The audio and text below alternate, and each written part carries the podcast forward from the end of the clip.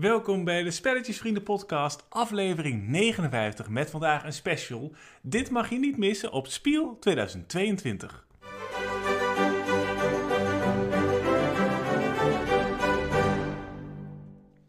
Miek, Ja, ik werd laatst gebeld door iemand van een, een groot tijdschrift in Nederland. Ik zal het een beetje anoniem houden, maar zijn naam was Henk de Vries. Nee, dat, dat is niet waar. Maar ik werd wel gebeld door iemand en die wilde wat verkopen.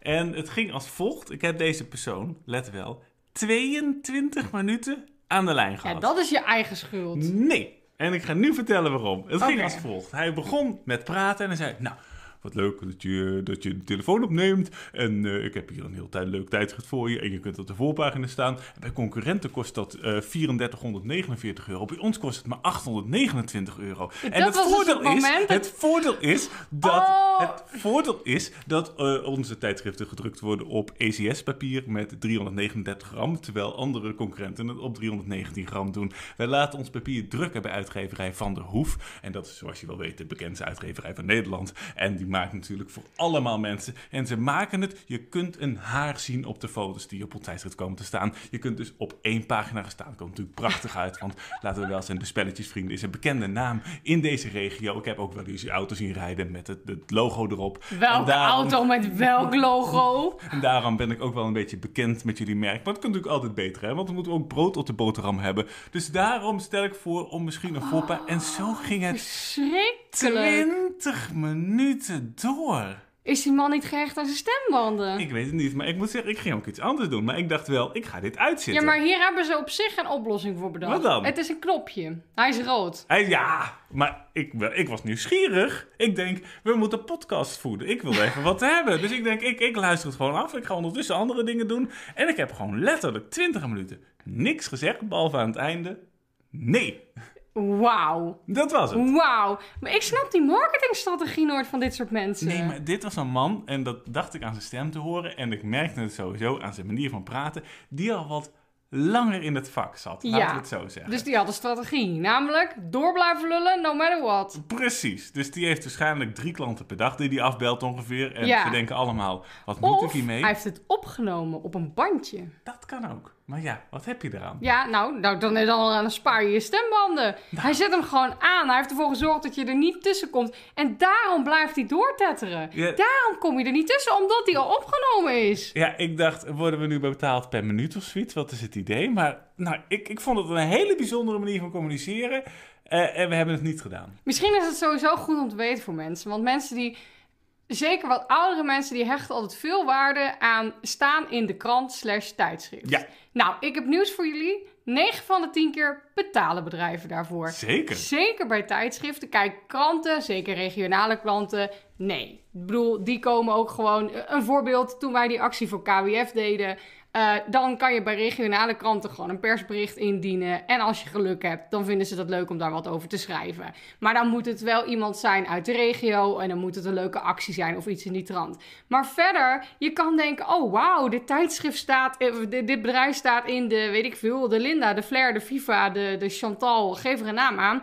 Die bedrijven betalen hier gewoon voor hoor. Je hoeft niet te denken, oh wow, wow, wow. Je betaalt daar gewoon voor. En flink ook, want wij krijgen hier bijna dagelijks mailtjes over. Ja, en mocht je een presentatrice... Van Louise. Louise, haal ons eens van je mailinglist af. Ja, en mocht je op tv een presentatrice de zin horen zeggen... ik ben heel benieuwd hoe dit meubelbedrijf er van binnen uitziet. Ja. Dan weet je ook, nou, dit is ook sowieso betaald. Ja, en dat ik- kost fors geld. No offense, maar mijn moeder zei dan wel eens... Ja, maar ze staan wel in de puntje puntje. Ik zei, ja man, want daar hebben ze even een paar honderd euro voor neergelegd. Ja, Zo'n klein stukje advertorial. Ik ga gewoon prijzen noemen, ik heb mij het schelen. Zo'n klein stukje advertorial, zeg maar. Nou, eh, laten we zeggen een alinea van 400, 500 woorden. Dat kost je zo 500, 600 euro. Dat denk ik ook. En nou, dat weet ik, want Louise mailt me er elke week over. En voor de Viva Mama, voor de Oh, Flair, ja. voor de... Oh, ik word er niet goed van. En zo'n filmpje bijvoorbeeld, op, die dan op RTL komt op het moment dat iedereen nog in zijn bed ligt. Ja. Dat kost zo ook zo 1000 euro. Ja, ja, Dus, eh, ja, precies. Ja. het is echt duur. En voor dat geld kan je veel beter adverteren op Facebook en Google, mensen. Want daar heb je veel meer aan. Maar goed, dat is even een kleine marketingtip waar niemand wat aan heeft. Nee, we zijn namelijk eh, bezig met een bordspelpodcast. Ja. En ik moet nog heel even noemen dat we iets eerder zijn dan normaal. Ja. Mocht je dit direct te luisteren, dan denk je... hé, hey, het is op dit moment dinsdag. terwijl het normaal op vrijdag online komt. Dat is gek. Hoe komt dat? Nou, dat komt omdat het weer tijd is voor de jaarlijkse grootste spellenbeurs ever, en zeker in Europa,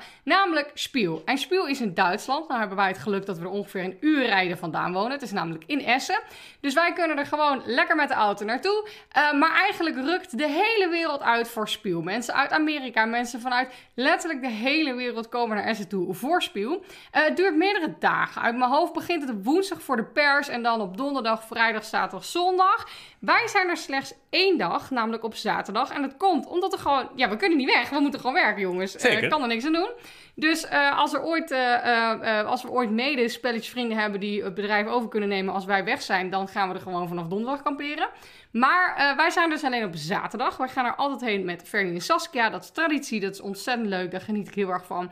Heb ik nu echt al heel, heel, heel veel zin in. Maar het leek ons nou handig om de podcast wat eerder online te laten komen. En dan een podcast te maken met spellen die je dus in de gaten moet houden. Dus als je naar Spiel gaat, dan moet je even deze podcast luisteren. Dat ben je misschien al aan het doen. Misschien ben je wel onderweg naar Spiel. Oh, fantastisch. Dat zou leuk zijn. En dan moet je deze spellen dus even gaan bekijken. Kijk, wij weten natuurlijk ook niet of deze spellen fantastisch gaan worden. Maar dit zijn gewoon spellen die wij op ons radar hebben. Ja, en mocht je nou denken, wanneer gaan we erover beginnen? Nou, we gaan eerst nog even vertellen natuurlijk over de spellen die we gespeeld hebben. Ja, En maar we houden dat kort, hè? We We houden houden dat dat kort, kort, inderdaad. Maar als je onderweg bent naar Spiel en je denkt, hé, hey, ik heb nog 34 minuten voordat ik er ben. Dan moet je wat verder skippen. Ja. Maar anders gaan we gewoon even beginnen met hetgeen we hebben gespeeld. Ja, dat lijkt me nou eens hartstikke leuk.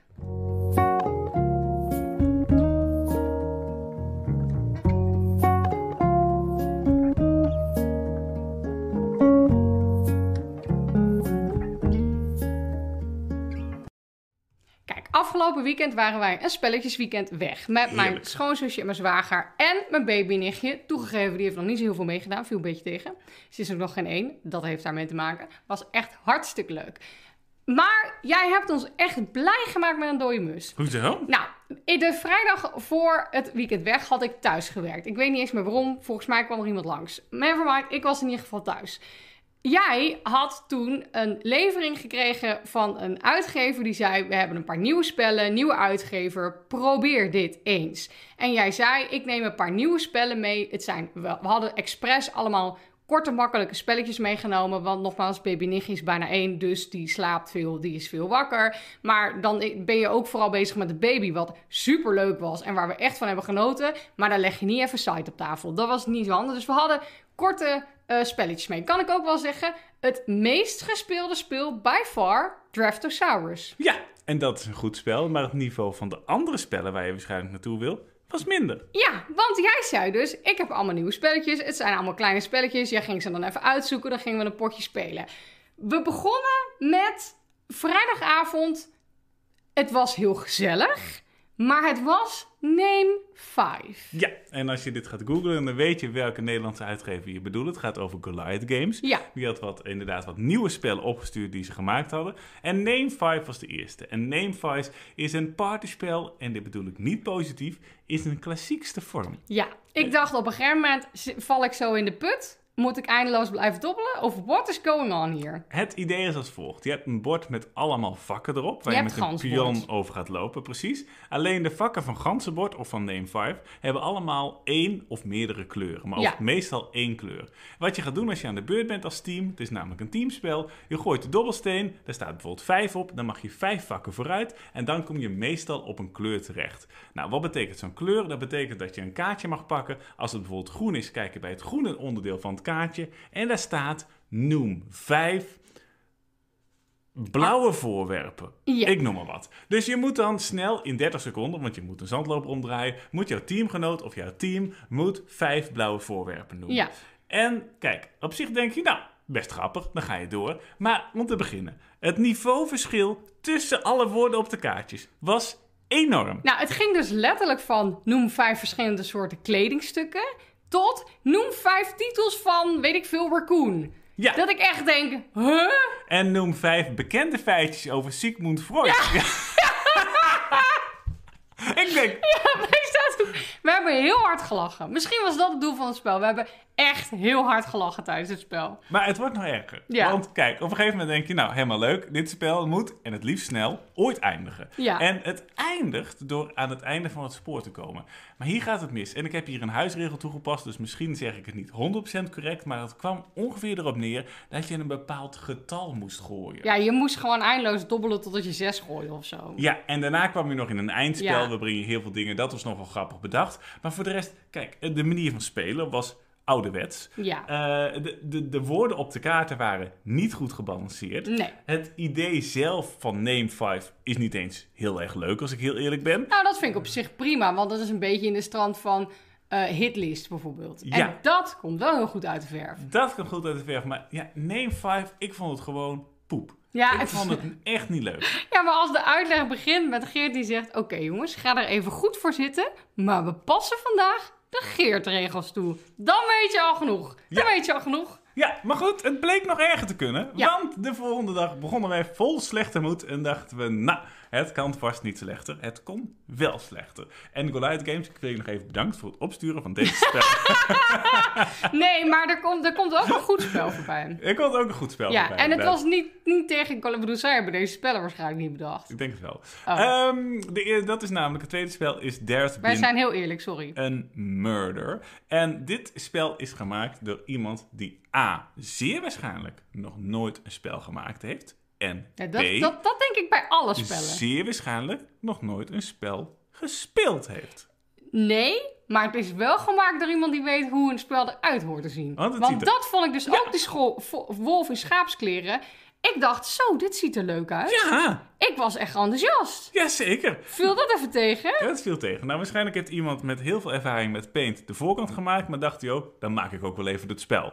En dat bleek een lastige geworden. Ja. Maar eh, hoe gaat There's Been a Murder? Het gaat als volgt. Je hebt een aantal kaarten in je hand, namelijk twee. Eh, iedereen heeft twee kaarten in je hand. En die twee kaarten, daar staan eigenlijk twee karakters op. En, voordeel, eh, alle karakters zijn zo uitgebreid omschreven dat je in ieder geval weet wat je moet doen. Het is wel een begrijpend lezenopdracht geworden, omdat je eerst een heel kaartje doorleest met alle dingen die er op dat kaartje staan. Maar goed, daarna weet je wel Nou, hoe die nu werkt. overdrijf je. Mijn karakter had echt maar een paar zinnen. Die van mij niet. Oh, Maar eh, dan heb je in ieder geval dus twee kaarten in je hand. Er zit in het midden eh, ligt er een stapel met twee open kaarten. En op een gegeven moment ga je voornamelijk kaarten spelen. Ja. En je gaat kaarten spelen op de manier zoals op de kaart staat aangegeven. Wat probeer je voor elkaar te krijgen? Er zit in het spel 16 of 24 karakters, net met hoeveel spelers je speelt.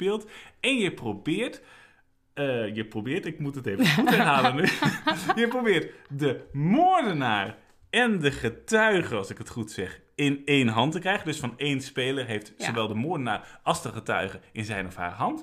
Of je probeert de recherche te spelen. En op het moment dat je de recherche speelt en iemand heeft als enige kaart de moordenaar in zijn of haar hand, dan win je ook. Ja, kortom, compleet random. Slaat nergens op. Nee, het ging namelijk bij ons letterlijk als volgt. Nou, ik zal je even vertellen. Ik had dus twee kaarten in mijn hand. En op die ene kaart, ik schoot echt in een lachstuip, stond gewoon letterlijk... Je hebt nu deze kaart. Als je ook die andere kaart hebt, is het bij afgelopen hebben jullie gewonnen. Punt. Ja, en het ging dus bij ons als volgt. Ik had namelijk geen idee dat jij die kaart had. Nee, want dat mag je niet zeggen. Maar het is dus wel coöperatief, hè? Voordat mensen Ja. zeggen, nou, dit is de bedoeling dat, dat ik dan de moordenaar erbij kreeg. Ja, maar ik wist niet dat jij de getuige had, want dat zal die kaart En ik wist niet zijn. dat jij de moordenaar had. Ik had de moordenaar, maar op een gegeven moment speelde iemand... je mag allemaal één kaart naar links doorgeven. Ik Ja. had op dat moment nog maar één kaart in mijn hand. Dus de Je keuzevrijheid was nul. Ja. Wat ik deed, ik gaf aan jou de moordenaar. Ja. Jij had toevallig nog de getuige vastgehouden. Je had dezelfde in je hand. En na vijf minuten was dit poepspel afgelopen. Ja, toen zei ik, nou, we hebben begonnen. Ja, En toen zei iedereen, huh?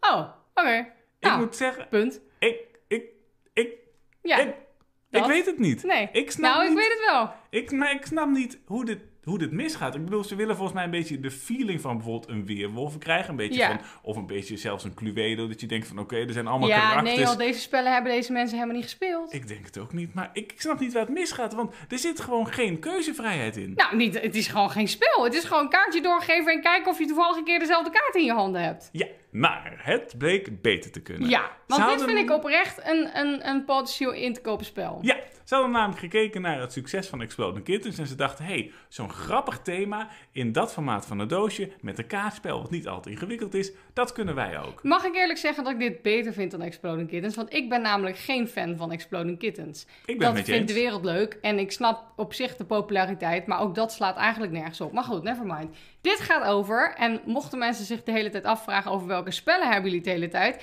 even een reminder, ga even naar YouTube, daar staan alle spellen gelinkt waar we het over hebben. We begonnen dus met Name 5, toen hadden we het over Rainbow, nee, over There's a Murder, en nu gaan we het hebben over Rainbow Pirates. Ja, en eigenlijk is Rainbow Pirates een soort ja, rummy cup. Ja. Je hebt namelijk kaarten met getallen in je hand en je probeert eigenlijk setjes af te leggen. Dat kunnen drie van dezelfde kleur zijn of dat kunnen opeenlopende waarden zijn. Ja. En eh, nou, je legt die neer en je probeert eigenlijk op het moment dat je twee complete setjes gemaakt hebt, en die lopen van 1 tot en met 7, dat is eigenlijk het moment dat je je hand probeert leeg te spelen. Als dat lukt, is het spel afgelopen en ga je punten tellen. Ja, maar je kan ook zeg maar de joker spelen als kaart. En dan kan je als je later dan de, degene hebt die op de plek ligt van de joker, kan je hem nog omwisselen. En je kan rijen nog aanvullen. Ik vond dat echt best wel leuk bedacht. Het is gewoon Rummy Cup meets Exploding Kittens. Ja, nog even twee klachten. Ik bedoel, we zitten toch in een klacht Ja, erbij. gezellig. Eh, klacht 1 is namelijk: dit spel heeft het slechtste uitlegfilmpje dat ik ooit gezien heb.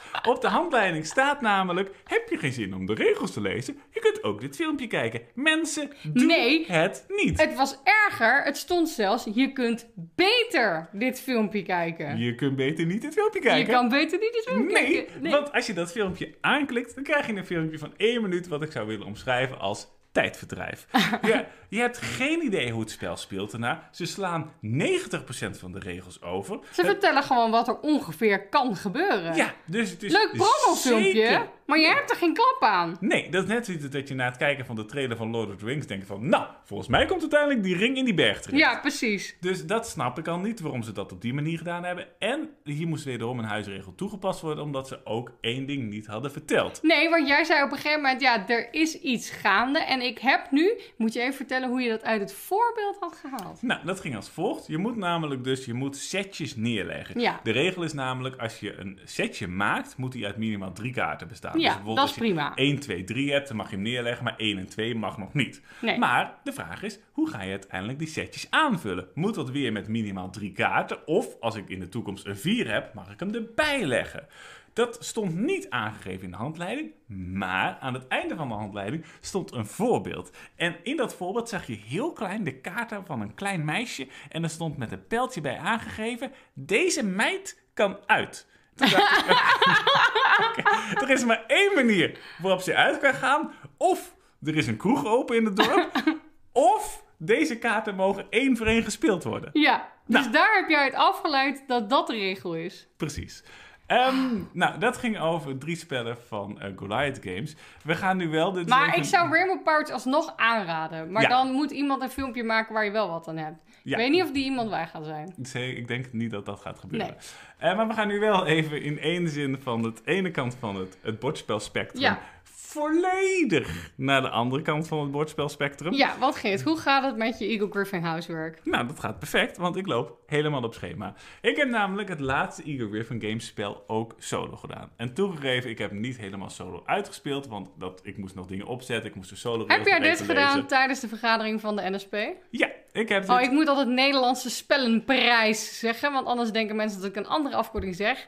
NSP, zei ik. Heel belangrijk. P. Eh, voordat ik iets ga vertellen over On Mars, kun je heel kort vertellen wat het idee was van de vergadering van de NSP? We gingen de winnaars bepalen. Ja, precies. Dus, gingen die de zijn winnaars bekend. bepalen. dus bij jou zijn bekend wie de Nederlandse spelerprijs van 2022 gaan winnen. Ja, en ik zal verklappen bij jou ook. Bij mij ook. Bij Ja. jou ook, maar verder mag niemand het weten. Nou, er zijn meer mensen dan jij en ik die het weten, maar het mag nog niet bekend zijn. Nou, ik kan één spoiler geven. Het spel dat ik speelde, On Mars, heeft niet gewonnen. Nee, die kwam namelijk niet uit in dit tijdvak en ook niet in het Nederlands. Precies. Dus dat zijn twee vrij belangrijke criteria die hij niet had. Ik dacht, ik kan deze spoiler geven. Ja, die kan je geven, ja. Fijn. Eh, maar On Mars is dus het spel wat ik gespeeld heb. Dat is dus gemaakt door Vital Lacerda. Uh, uitgegeven door Eagle Griffin Games, wederom met artwork van Ian O'Toole. En je gaat proberen eigenlijk een kolonie op Mars te bouwen. Je hebt twee vakken op het speelbord. Je hebt acties die je uit kunt voeren in orbit, oftewel in het ruimtestation wat eigenlijk rondom Mars zweeft. En je kunt acties uitvoeren op de planeet zelf. En daar ga je gebouwen bouwen en je gaat eigenlijk proberen het dorp of de kolonie die er is steeds verder uit te breiden. Je gaat daarnaast met wagentjes rondrijden, grondstoffen verzamelen, dat soort dingen allemaal. Het is een extreem pittig spel. Ja, het is, is het nu het moeilijkste spel dat we hebben of heb je een moeilijkere Eagle Griffin gespeeld? Ik denk dat die ongeveer net zo moeilijk is als Lisboa, maar dat die beide wel de moeilijkste spellen zijn die we hebben. Ja, dat denk ik ook. Uh, en, en, en, ergens is, ik moet wel zeggen, ik vind On Mars nog net wat logisch aanvoelen, omdat als je daar de acties ziet, dan denk je wel van, nou, ik, ik snap ongeveer wat ik moet doen. Bij Lisboa zit er nog iets meer omheen, zeg maar. Je gaat zoveel overradingskracht nodig hebben om mij Lisboa te laten spelen. Komt vast goed. Ik wil het zeker doen, maar man, man, man. Maar over On Mars gesproken, ik heb de solo gedaan en ja, het, het is gewoon echt een heel goed spel. Ja. En het nadeel is wel bij de, de solo variant, dan heb je ook weer wat extra regels. Ik heb niet altijd zin om dat helemaal, helemaal goed te begrijpen, zeg maar. Dus het gaat me dan voornamelijk om, is het spel zonder die solo variant is dat ook goed. Ja, en ik heb me daar erg mee vermaakt. Jij zegt nu, ik heb even helemaal geen zin om die regels te begrijpen. Wat is dit nou? Nou, kijk, ik vind het bij On Mars, en dat vind ik een nadeel ten opzichte van de Gallerist bijvoorbeeld. Daar heb je wel dat er nog, nou, nog twee pagina's aan regels staan voor de solo variant. Ja. En ik merk gewoon dat ik het heel belangrijk vind voor mezelf dat ik weet hoe het spel speelt. En dan denk ik bij zo'n solo variant, ah ja, ja, dan doe ik soms wel eens iets verkeerd, zeg maar. Ja, ja. ja dus maar dat... de, de, gewone regels neem je dus heel serieus. Die neem ik heel serieus. Ja, ja. Dus we gaan zeker in de toekomst nog terug terugkomen op On Mars. Dit was weer even een eerste indruk van hoe die solo speelt. Dat is heel erg positief. Dit waren de vier spellen die we de afgelopen twee weken gespeeld hebben. Gaan we snel door naar het volgende onderdeel, namelijk de mechanismen.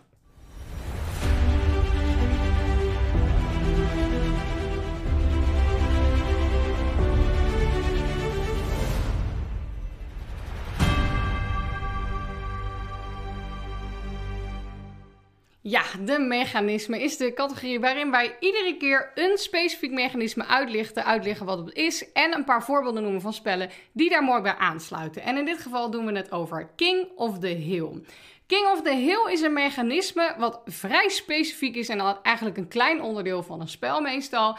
Het gaat er namelijk om dat een speler een specifieke plek op het bord inneemt en houdt. En die specifieke plek op het bord, die geeft je dan een voordeel of punten aan het einde van het spel. Maar het gaat dan over die specifieke positie. Ja, en heel vaak zit daar een beetje strijd in. Ja. Dus eh, op het moment, het kan bijvoorbeeld zijn dat die positie eh, wel makkelijk bereikbaar is. Maar als je er eenmaal bent, dan gaan waarschijnlijk mensen je bijvoorbeeld aanvallen omdat ze die positie ook willen hebben. En het kan aan de ene kant zijn, bijvoorbeeld zijn dat je een positie moet hebben en zoveel rondes vast moet houden om het spel te winnen. Ja. Maar het kan bijvoorbeeld ook zijn dat aan het einde van het spel degene die daar staat een voordeel heeft. En een, een spel wat een beetje in dat mechanisme valt, en ik moet heel eerlijk zeggen, ik heb dit één keer gespeeld, het is lang geleden, maar het gaat over King of Tokyo. Ja. En je probeert erin de koning van Tokyo te worden. Je verwacht het niet. En het, het is als je daar uiteindelijk door middel van wat strijdkracht Tokio weet te veroveren, of eigenlijk je weet in ieder geval je pion neer te zetten Ja. in Tokio. Als je dat langer vast weet te houden, dan geeft dat aan de ene kant wat nadelen omdat je wat minder goed hield. Ja. Aan de andere kant geeft het wel voordelen omdat je daar extra sterk of extra overwinningspunten kunt verzamelen. Dus daardoor is het belangrijk om in Tokio te komen. Ja. Maar je wilde ook niet het hele spel zijn, want dan word je steeds ja, minder sterk, zeg maar. En zul je waarschijnlijk ook uiteindelijk daar weer verslagen worden. Dus eh, dat is een leuk mechanisme, een leuk idee, maar wel een klein onderdeel van het spel. Ik vind King of Tokyo altijd een heel grappig spel, want eh, ik heb het dus nog nooit in het echt gespeeld. En het is een dobbelspel, het is een populair spel. Het is ook al relatief wat ouder spel, maar het is nog steeds populair en ook de varianten erop zijn ook populair. Toen nodigde iemand mij een keer op PGA, Board Game Arena, uit om een potje King of Tokyo te spelen. En toen dacht ik, ik ga gewoon kijken hoe ver ik kom zonder de regels te lezen. Dat kan bij dat spel wel. Dat kan bij King of Tokyo erg goed, kan ik je vertellen. Ik kwam volgens mij als, uiteindelijk als tweede eruit of zo. Toen dacht ik, nu wordt het een missie. Nu wordt het een missie of ik het spel kan winnen zonder de regels te lezen. Want ik En? had dus...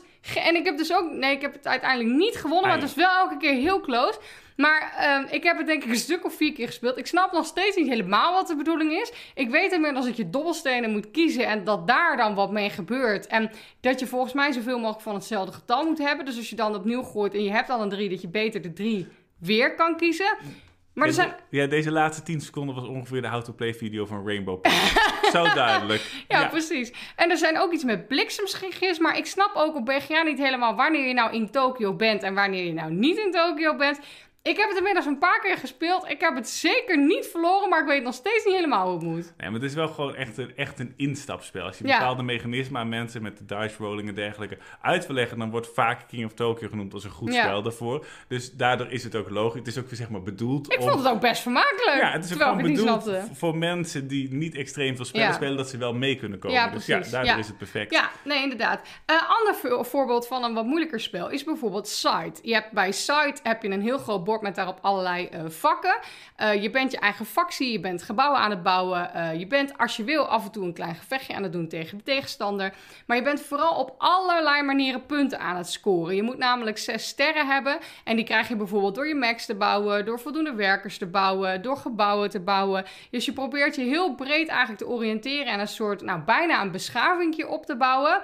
Maar er is inside midden in het bord één tegel en dat is de fabriek. En de fabriek, dat is in principe gewoon een tegel. Maar als je die aan het einde van het spel hebt, dan is het geloof ik nog drie punten waard. Ja, je krijgt er een bonus voor. Je krijgt er in ieder geval een bonus voor. En je kan daar gewoon heen lopen. Kijk, het duurt even voordat je er bent, want je moet wel over water en je moet wel zo ver kunnen lopen. Dus het is niet zo dat je in je eerste ronde gewoon kan zeggen, nou, ik sta op de fabriek, tada. Dus je moet er wel even heen lopen, maar je hoeft niet echt iets te overwinnen om er te komen. Maar als je er bent, gaan andere spelers je natuurlijk wel proberen ervan af te schoppen. Ja, want je krijgt daarnaast ook nog een voordeelkaart op het moment dat je op de Ja. fabriek terechtkomt. Dat heeft dus minder met het houden van dat gebied te maken. Maar eigenlijk wil elke speler wel op Maar zijn dat minst... is wel chill inderdaad. Maar het, houden van gedeelte gaat er meer om het einde van het spel. Maar inderdaad, je krijgt ook een voordeel als je opkomt. Inderdaad, dus daardoor is Site een goed voorbeeld ervan. In de uitbreiding Rise of Fenris staat de fabriek ook nog veel meer centraal. Ja. Daar komt er nog in verschillende verhalen voorbij. Ja, dat is heel dus leuk. Ja. eh, daardoor is Site een heel goed voorbeeld van King of the Hill. Gaan we snel door naar de Random Board Game Generator. Ja, zoals elke keer weten wij ook niet waar we dit nu over gaan hebben.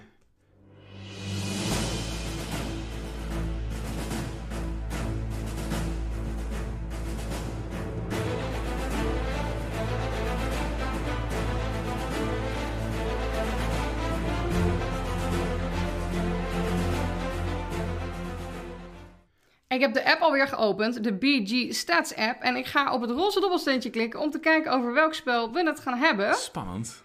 Harry Potter, de Ultimate Movie Quiz. Ja, Die is dus verrassend leuk. daar heb ik het heel graag over. Ik ook. Ik ga er even goed voor zitten. Ik bedoel, heel langzaam gaan we toch richting de kerstperiode. Mhm. Harry Potter periode. Precies, nou dan is dit het perfecte spel. We love Harry. Als je een hele grote Harry Potter fan bent, dan moet je dit spel eigenlijk Ja. hebben. Want het is wat het woord zegt. Het, gaat gewoon, het zijn gewoon, nou waarschijnlijk wel duizend vragen over de Harry meer. Potter films. Ja, maar heel vaak denken mensen bij van die quizjes... oh ja, dat zijn van die flauwe vragen. Of dat is één keer leuk. Of dat is gewoon gemaakt door iemand die denkt... ik ga even snel kerstje met een grote naam.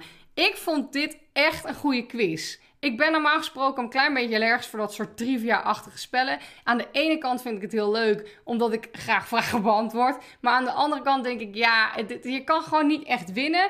Ik vond dit echt verrassend leuk. Je hebt een best wel flinke doos waarin een aantal, ik geloof, hebben ze naar aanleiding van de films Ja, gedaan. Hè? Dus het zijn acht stapels. Eh, en elke stapel ga- zit dan helemaal vol met vragen. En op elk kaartje staat uiteraard ook weer meerdere vragen over de specifieke film. Ja, precies. En wat probeer je voor elkaar te krijgen? Je probeert eigenlijk elke film, Ja. oftewel van elke stapel één kaart, probeer je te verzamelen. Als dat hebt, volgens mij heb je dan gewonnen of je het spel in ieder geval afgelopen. Ja, ik mij geloof dat je dan gewonnen hebt. Dus je moet ook zelf, ze- je mag zelf besluiten, vragen over welke stapel je een vraag wil. Ja. Maar is het ook niet zo dat als je uit twee dezelfde eh, stapels, er, als je twee dezelfde hebt, dat dat dan als een soort joker geldt? Eh, dat weet ik niet precies. Volgens er mij waren was nog dat wat wel regels. zo. En je moet volgens mij ook officieel moet je zo'n draaientje draaien. En dat geeft aan over welke film je een vraag krijgt. Dus er zit Oh nog een nee, wij klein doen iets altijd bij. gewoon dat je het moet zeggen, want dat ge- maakt de gelukfactor wel minder. Zeker. En eh, wat nog verder leuk is, wij hebben nu ongeveer vier keer de films gezien, denk ik. En dan, als je het zo vaak in, gezien in hebt... ons volwassen leven. Ja, maar als je het zo vaak gezien hebt, dan vonden wij de vraag in ieder geval prima te doen. Dus Ja. het is niet dat je duizend keer de film moet zien. Nee, maar er zitten ook vragen bij die juist wel voor de experts zijn. Ja. Zo van, eh, hoe heet dat poppetje van Ginny Weasley wat ze op haar schouder heeft? Ja, Oh, ik ja. weet het poppetje, maar ik weet niet hoe die heet, dat bolletje. Zit er een bolletje op de schouder? Ja, dan zit ze in die trein en dan heeft ze zo'n fluffy beetje. Ja, in de boeken komt dat veel meer naar voren. Maar in de, in de film zie je op een gegeven moment, dan zit ze in de trein en dan heeft ze een soort... ja, bolletjesbeestje op haar schouder. En dan laat ze die zien. Oké, ik had geen idee. Nee, maar ja, leuk. ik heb de boeken recent nog gelezen allemaal. En daar komt dat veel meer terug. En dat, dat beest heeft ook een naam. Nou, dat zijn dus zeg maar van die vragen die je alleen weet als je echt een Potterhead bent. Nou, goed. Tot Wij zover zijn medi- mediocre Potterheads. eh, informatie over Harry Potter, de Ja. Ultimate Movie Quiz, die we dus verrassend Ja, je moet dus wel de Ultimate Movie Quiz hebben. Ja. Dus de Bordeaux-rode doos. Ja, goed. Dat is in ieder geval alles wat ze daarover wilden vertellen. We hebben nu even een kort onderdeel van reclame. En gaan we daarna dan naar de top 20 toe? Of sla ik nu een onderdeel over? Nee, we gaan eh, zeker naar de top. Ja, het is natuurlijk niet echt een top. Oh, Nee. je slaat wel een onderdeel ja, over. precies. Sorry. Daarna hebben we voor jullie een, een gloedje nieuw spel op onze wishlist.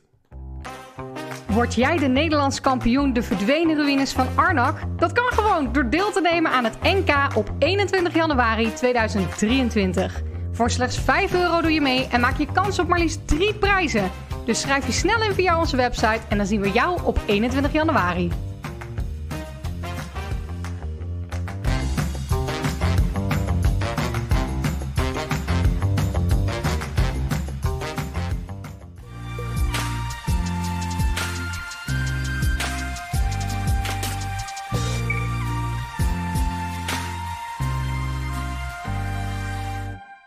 Hebben ze weer wat bedacht hoor, die spelletjes vrienden. Hebben Ja. ze weer wat nieuws bedacht. Het waar ze reclame voor moesten hebben. Kampioenschap Arnak. Mocht Ja. je nou denken, ik ben goed in Arnak, ik wil Nederlands kampioen worden. Nee, dat je kan. moet niet beginnen met ben je goed in Arnhem, want iedereen doet mee. We zijn toch allemaal, het is toch gewoon voor de leuk. Ik zat midden in mijn zin. Oh. Mocht je denken, ik ben niet goed in Arnak, dan mag je ook meedoen. Want het maakt helemaal niet uit. Het kan ik denk zijn. dat ik een nieuwe carrière moet aannemen, die telefonisch verkoper. Dat, Ja. dat moet ik gaan worden. Ja, daar ben je heel goed in. Ja. Maar goed, hoe dan ook, kijk even op de site. Informatie over eh, de verdwenen van Arnak kun je daar allemaal vinden. Ja, Er leuk. staat sinds deze week een spel gloedje nieuw met stip op 1 in mijn wishlist. Oh, ik dacht dat je ging zeggen in de hotness. Nee, in mijn wishlist. Het gaat namelijk over Turing Machine. Ik hoop dat ik het goed uitspreek. En dat is een fascinerend en competitief deductiespel. En het is gemaakt door de uitgeverij die ook onder andere, eh, hoe heet het ook weer, de crypto gemaakt heeft. Ja, dat dacht ik al, want daar deed ik me qua uiterlijk door gaan denken. Maar ik moet zeggen, pas nu jij dit zegt, besef ik me dat er niet Turning staat, Nee. maar Turing. Ja, ik weet niet precies wat, eh, hoe dat precies zit. Misschien is het een naam uit het verleden die ik even niet helemaal kan plaatsen. Maar goed, wat is de omschrijving die we even van Boardgame Geek gejat hebben? Het biedt namelijk dit spel een unieke ervaring waarin je vragen stelt aan een protocomputer die werkt zonder elektriciteit of enige vorm van technologie. Wat de weg vrij maakt voor een nieuwe generatie deductiespellen. Ach, you had me at deductiespel. Precies. Heerlijk. Het doel van het spel vindt de geheime code eerder dan de andere spelers door de machine slim te ondervragen. De Turing Machine maakt gebruik van een analoge computer met unieke componenten gemaakt van nooit eerder vertoonde geperforeerde kaarten. Nou, ze doen nu toch niet alsof ze de geperforeerde kaart hebben uitgevonden, hè? Ik denk dat het gloednieuw is in een bordspel.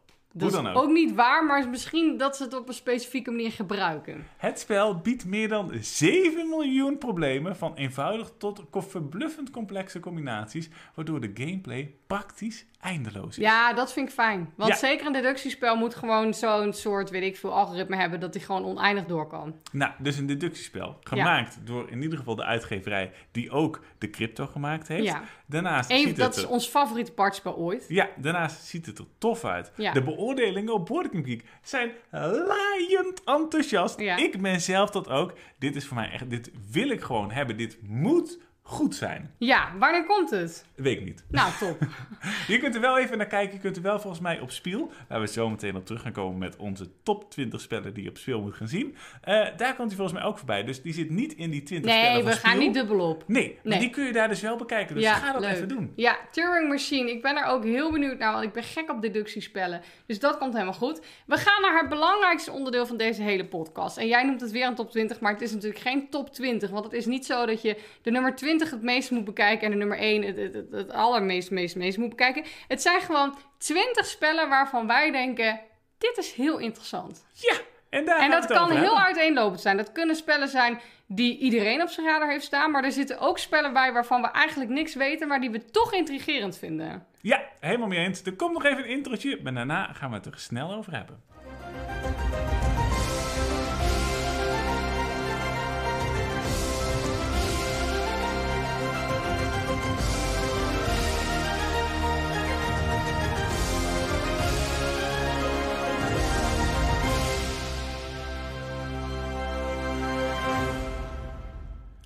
20 spellen om uit te kijken in Spiel 2022. Spellen waarvan wij ook niet zeker weten of dit nou het spel gaat worden. Maar spellen die wij op de een of andere manier intrigerend vinden. Ja, en wij hebben hier ons een beetje georiënteerd op basis van de dingen die we op Boarding Week gevonden hebben. En Ja, waar, daarbij- waar heb jij, want jij hebt deze top 20 gemaakt. Ja. Waar heb jij naar gekeken? Nou, ik heb gekeken naar hoeveel mensen geïnteresseerd waren in dit spel. Boarding Geek heeft onder andere een lijst gemaakt van spellen die zeer waarschijnlijk op spiel staan. En eh, daarnaast hebben ze ook aangegeven dat je erop kan stemmen. Dus dat geeft bijvoorbeeld de nummer 1 geeft aan, de meeste mensen hiervan zijn hier in ieder geval geïnteresseerd in en gaan hier waarschijnlijk naar kijken. Ja, Eh, dus om te beginnen zometeen met de nummer 1. Het eerste spel wat we noemen is dus ook het spel waar mensen vooraf op spiel het meeste zin in hebben. Dus het zou zomaar kunnen dat dat dan een van de bekendste spellen van 2022 gaat worden. Omdat gewoon heel veel mensen er interesse in hebben. maar je hebt niet gewoon die top overgenomen, toch? Of Nee, ik heb zeker niet die top overgenomen. Nee, nee, Dan ik heb kunnen ook... mensen ook gewoon even Board Game Geek kijken. Nee, je kunt er ook kijken, want eigenlijk is dat is nog veel uitgebreider. Maar dan moet je echt helemaal erin gaan duiken om te kijken van nou, wat lijkt mij interessant en wat niet. Want daar staan echt volgens mij 1200 spellen op die Ja. uiteindelijk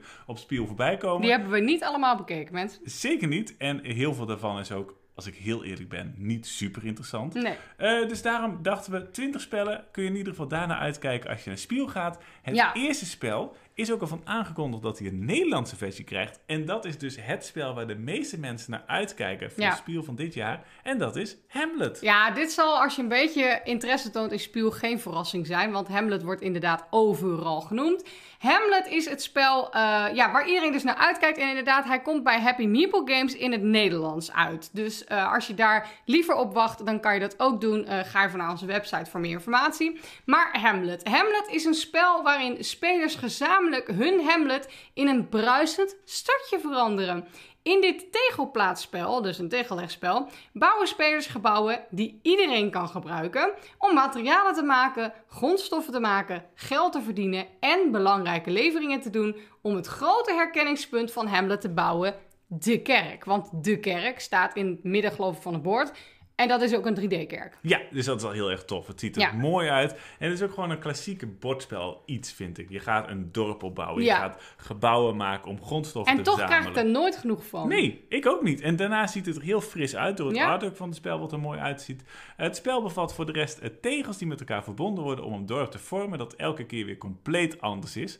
De plaatsing van de tegels creëert verbonden paden die de dorpelingen gebruiken om grondstoffen door het dorp te vervoeren. Ja, En dat is dan weer net een wat nieuw mechanisme, vind ik. Normaal is het, je zet een werken neer, je krijgt grondstoffen. Maar blijkbaar is hier het vervoer van de grondstoffen door het dorp ook nog belangrijk. Dus Hamlet ga ik zeker naar kijken. Ja, zeker. En hij ziet er dus ook inderdaad, wat je zegt, heel mooi en fris uit. Eh, ik ben ook zeker heel erg geïnteresseerd in Hamlet. Dus dat is het eerste spel dat je moet gaan bekijken. Het tweede spel wat op onze radar staat is Lacrimosa. Ja, en je moet even door het artwork heen kijken. Zeker van de voorkant van het spel, vind ik tenminste. Want het ziet eruit alsof het in 1996 uitgegeven is door een niet al te beste Nederlandse uitgeverij. Kijk, dat zou kunnen, maar dit is dus gloedje nieuw en het gaat over Mozart. Ja, ik ga heel eventjes voorlezen. Ja, het is wel, want het is inderdaad ook niet mijn cup of tea, dat artwork, maar het is wel toepasselijk. Ja. En dan kan ik er altijd wel beter tegen. En het thema Mozart, Ja, klassieke fantastisch. muziek, fantastisch. Het Ja. is echt allemaal een pittige spel. De beoordelingen zijn tot nu toe fantastisch. Ja. Dus ga je zeker naar kijken. Ik ga heel even voorlezen uit niet-eigen werk. In Lacrimosa nemen spelers de rol aan van beschermheren van Mozart en dragen ze hun geld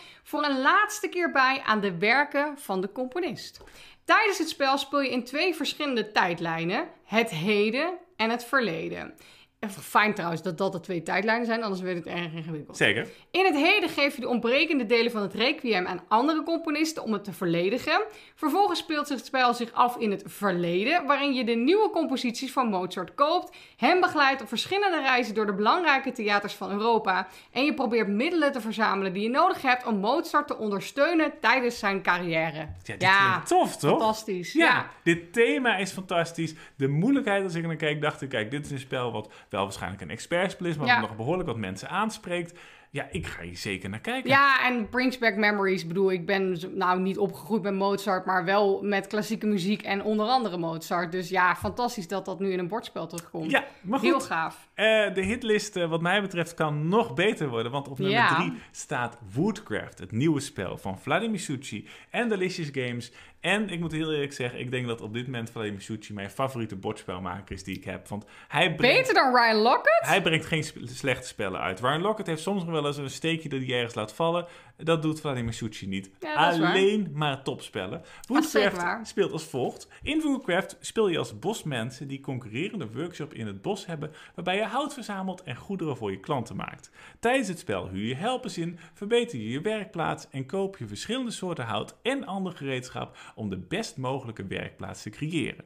Spelers proberen hun projecten met hout, zijn dus dobbelstenen, te voltooien en wie de beste, meest succesvolle- succesvolle workshop bouwt, die wint het spel. Ja, ik denk ook dat iedereen die die spiel een beetje in de gaten houdt, deze al lang op zijn radar heeft staan. Want het kan aan mijn algoritme liggen, maar ik word bedolven onder de Woodcraft. En positief. Ik vind het, het ziet er super mooi uit. Delicious Games is ook zeker een aanrader om te volgen op bijvoorbeeld Instagram, want ze laten die ook heel erg mee in het proces van het maken van hun spellen. Ze hebben bijvoorbeeld deze cover gekozen door stemmen van het publiek van de beste cover en van delen. Eh, we mochten bijvoorbeeld stemmen op de persoon die zeg maar op de cover staat, die het, het hout hakt. Ik geloof uit mijn hoofd dat het nu die vrouwelijke elf is geworden. Maar dat mag ik even kwijt zijn. Eh, we hebben gekozen eh, de titel van het spel, zeg maar. Nou, niet de titel van het spel, maar het lettertype en hoe dat eruit zag. En de combinatie daarvan. En ja, dat, je wordt echt heel erg meegenomen. En dat vond ik echt te gek. Hebben ze echt leuk gedaan. Ja, dus Inspirerend. Het is ook niet een al te grote uitgeverij. Het is Nee. gewoon leuk dat het, nou ja, dat het relatief klein is uit Tsjechië. En, Ja, en maar alleen maar goede spellen maakt. Echt leuke mensen, ook vriendelijk via de mail, denken mee, echt heel leuk. Dus Zeker. eh, zeker een aanrader. Eh, dan staat op onze radar Great Western Trail Argentina. Ja, het vervolg op Great Western Trail, wat toch al een tijdje uit is. Ja, maar we wachten natuurlijk allemaal nog op de remake daarvan, hè? Ja, klopt inderdaad. Maar goed, deel 2 daarvan is ook al aangekondigd. Deel Ja. 3 zelfs ook al. Is dacht ik Nieuw-Zeeland uit mijn hoofd. Ja, dat Maar weet deel ik ook even niet. 2 gaat dus over Argentinië. Ja, nou, Alexander Pfister is ook echt een held. En die maakt ook fantastische spellen. Eh, ik denk dat mijn lievelingsspel van hem toch nog momenteel Maracaibo is. Maar ik ben heel benieuwd of dit spel dat gaat verslaan. Het zou erg moeilijk zijn, want Maracaibo staat heel hoog op mijn eh, beoordelingslijst. Maar goed, Great Western Trail dus. En dit is de Argentina-versie. Deze keer ben je dus eigenaar van een, ik heb nooit Spaans gehad, maar estancia, zou ik zeggen. Een Argentijnse ranch die aan het einde van de 19e eeuw staat. Maak je klaar om met je vee door de prachtige vlaktes van de Pampas te reizen en alle mogelijkheden die paden te bieden hebben te optimaliseren. Kun jij op het juiste moment een laadperron bereiken om de kudde in de trein te laden? Kies vanuit Buenos Aires een schip van dat, voordat het vertrekt naar een van de grote havens van Europa. Ja, dus ik zie al hier, het lijkt wel alsof dat treinspoor wat je bij Great Western Trail hebt, in ieder geval vervangen lijkt te zijn door, eh, Een boot. eh, door de boten, door de havens. Ja. Ik heb het verder nog niet gespeeld, maar ik vind Great Western Trail een goed spel. En het zou zomaar eens kunnen dat dit alleen nog maar beter is. Ja. Dus daarom staat hij op nummer 4 in deze Ja, ik vind Great 20 Western Trail een goed spel. En de wereld vindt het fantastisch, maar ik zie toch verbeterpunten. En ik vind dat hij dat in Maracaibo perfect heeft uitgewerkt. Eh, dat lijkt een beetje op Great Western Trail. Maar ik ben dus benieuwd of dit mijn problemen met Great Western Trail op gaat lossen. Het zou zomaar kunnen. Het zou zomaar kunnen. Gaan we door naar nummer 5. En als ik deze spellen zie, dan denk ik... Oh jongens, wat is het toch een fantastische tijd om bordspelliefhebber te hebben. Zeker. Want we hadden net eh, spellen van Vladimir Succi, Alexander Pfister. Hier komt het spel van de makers van onder andere Trails of Tucana, The Magnificent. Twee originele, ziet extreem goede spellen. Het ziet er pittiger uit Het dan, ziet er iets dit. pittiger Het uit, ziet ja. eruit als een meer expertspel. Het heet Revive. Ja, en het gaat als volgt. Je herbouwt een beschaving 5000 jaar nadat alles was vernietigd. Erg gezellig. Leid je stam en verken de bevroren aarde. Recruteer overlevenden en bouw fabrieken met krachtige machines. Ja, ik ben toch gek op dit soort thema's. Tuurlijk. Laat voor mij part de hele boel maar afvikken. Is Ah, toch leuk? joh, vind ik ook. Is toch leuk? Revive is een spel voor 1 tot 4 spelers met asymmetrische krachten. Top. Een variabele opzet en geen gevechten of directe conflicten. Nog topper. Nog topper inderdaad, want inderdaad als het een soort area majority-achtig spel wordt, ben ik daar net wat minder van. We Maar don't like that. asymmetrische krachten, hoge speelbaarheid, variabele opzet, vaak met tegels die je telkens anders neerlegt. Heel erg Mhm. fijn. Ja, leuk. Door de vijfdelige campagne te spelen, wordt extra inhoud ontgrendeld. En zodra alle inhoud is ontgrendeld, kan het spel oneindig opnieuw worden herspeeld. Ja, nu zijn ze geïnspireerd door Alexander Pfister, denk ik. Ja, dus ja, waarschijnlijk fantastisch. dan loop je een kort verhaal, daarin krijg je nog wat extra Ja. regels. En zo heb Wordt je het een beetje spellen... opgebouwd, zodat het behapbaarder blijft. Ja, I love it. I love it. Aan het begin van het spel krijgt elke speler een set burgerkaarten, een standbord en een enorme enorm dubbellaag spelenbord. Het standbord toont je, Enorm ja. het standbord toont je unieke krachten en de oude technologieën die je tijdens het spel opnieuw kunt leren. Op het dubbellaagse speelbord plaats je je aangepaste machines en upgrade je je kaarten. Ja, ja Oh. theoretisch gezien moet dit een topper worden. Ja, dit, ja dit, dit, kan zo, dit kan zomaar uiteindelijk in onze top 20 Ja, terechtkomen. ja, Dus dat dit, kan. Als het goed is uitgewerkt, dan is dit alles wat ik wil. ja, eh, gaan we door naar nummer 6. En nogmaals, hij heette dus Revive. Zeker. Nummer 6 staat Tiletum of Taaltum. Ik Ja, weet ik niet denk precies. dus Taalten, want ik, het gaat over tegels. Nou ja, in ieder geval gaat het over een, is het een nieuw spel van de makers van onder andere Teotihuacan. En dit is ook wederom een expertspel met pastel als hoofdkleur. Je ziet direct dat het van de makers van Teotihuacan is. En Teotihuacan staat heel hoog in onze top 20. Haha. Dus fantastisch. Kijk, ik ben niet super fan van het artwork, maar het is toepasselijk. Dus nee, maar prima. Taaltem kruipen jij en je medespelers in de huid van rijke kooplieden die door Europa reizen van Vlaanderen tot Venetië tijdens de Gouden Eeuw van de Renaissance. Je reist naar verschillende steden om handelscontracten voor wol en ijzer te verwerven. Lijkt het op Kataan? Mooi. En je kunt dat huilen met andere spelers. Maar zorg ervoor dat je niet zeven gooit, want daar komt de stam erover. Nee, dat is niet dit spel, mensen. Evenals een verzameling van de wapenschilden. Je moet de benodigde middelen verzamelen om contracten uit te voeren, investeren in de bouw van monumentale kathedralen en deelnemen aan belangrijke beurzen.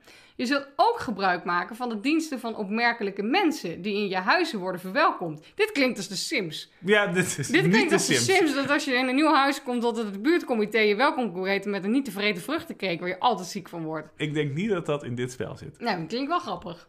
Zo verwerf je prestige waardoor je de beroemdste koopman van de renaissance zal worden. Ja, dat is niks nieuws natuurlijk, maar prima. Dit, thema is gewoon honderd Ja, keer uitgemolken. precies. Maar wat maakt het uit? Taaltem is een dice management game waarbij dobbelstenen een dubbele functie hebben: het verkrijgen van middelen en het uitvoeren van acties. Oh, dat is leuk. Ja, Heeft nou, het dan toch niks met tegels te maken? Dat dacht ik. dat snap ik. Maar het zal wel Misschien heb ik dus dan van de foto gepikt. Dat Misschien heb ik even niet meer helder. een plaats zijn ergens in Italië. Kan ook zomaar. Oh, dan zou je het vast anders uitspreken.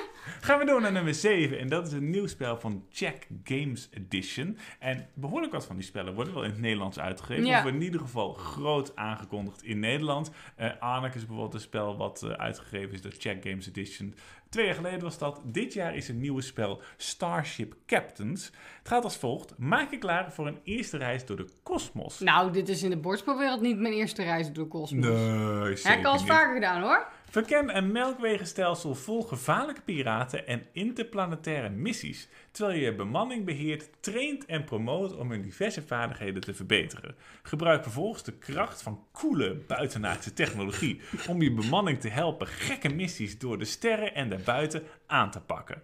Nou, het, het klinkt, volgens mij is het, als ik het goed zag, is het een niet al te ingewikkeld spel. Want als Weet je het dit woord klinkt? cool gebruikt, dan is het niet een expertspel. Dit klinkt toch een beetje alsof de Powerpuff Girls op een nieuwe missie gaan. Ja, Het is, ja, ja. Maar coole missies. Ja, maar En- goed, de voorkant de van de- sterren en daarbuiten. van het bordspel ziet er heel tof uit. Ja, ik vind het een, een intrigerende voorkant. Ja, ik, ik weet het niet. Ik, ik, ik, ik, ik vind, hij staat op de radar, maar ik weet het niet. Dit kan twee kanten op, denk Je ik. gaat er niet als eerste naartoe als het Nee, speel zijn. nee. Ik ga er zeker even naar kijken, maar ja, ja, ja. Nou, kan twee kanten op. Gaan snel buitenaardse technologie, ja, Ja. we moeten het toch even bekijken.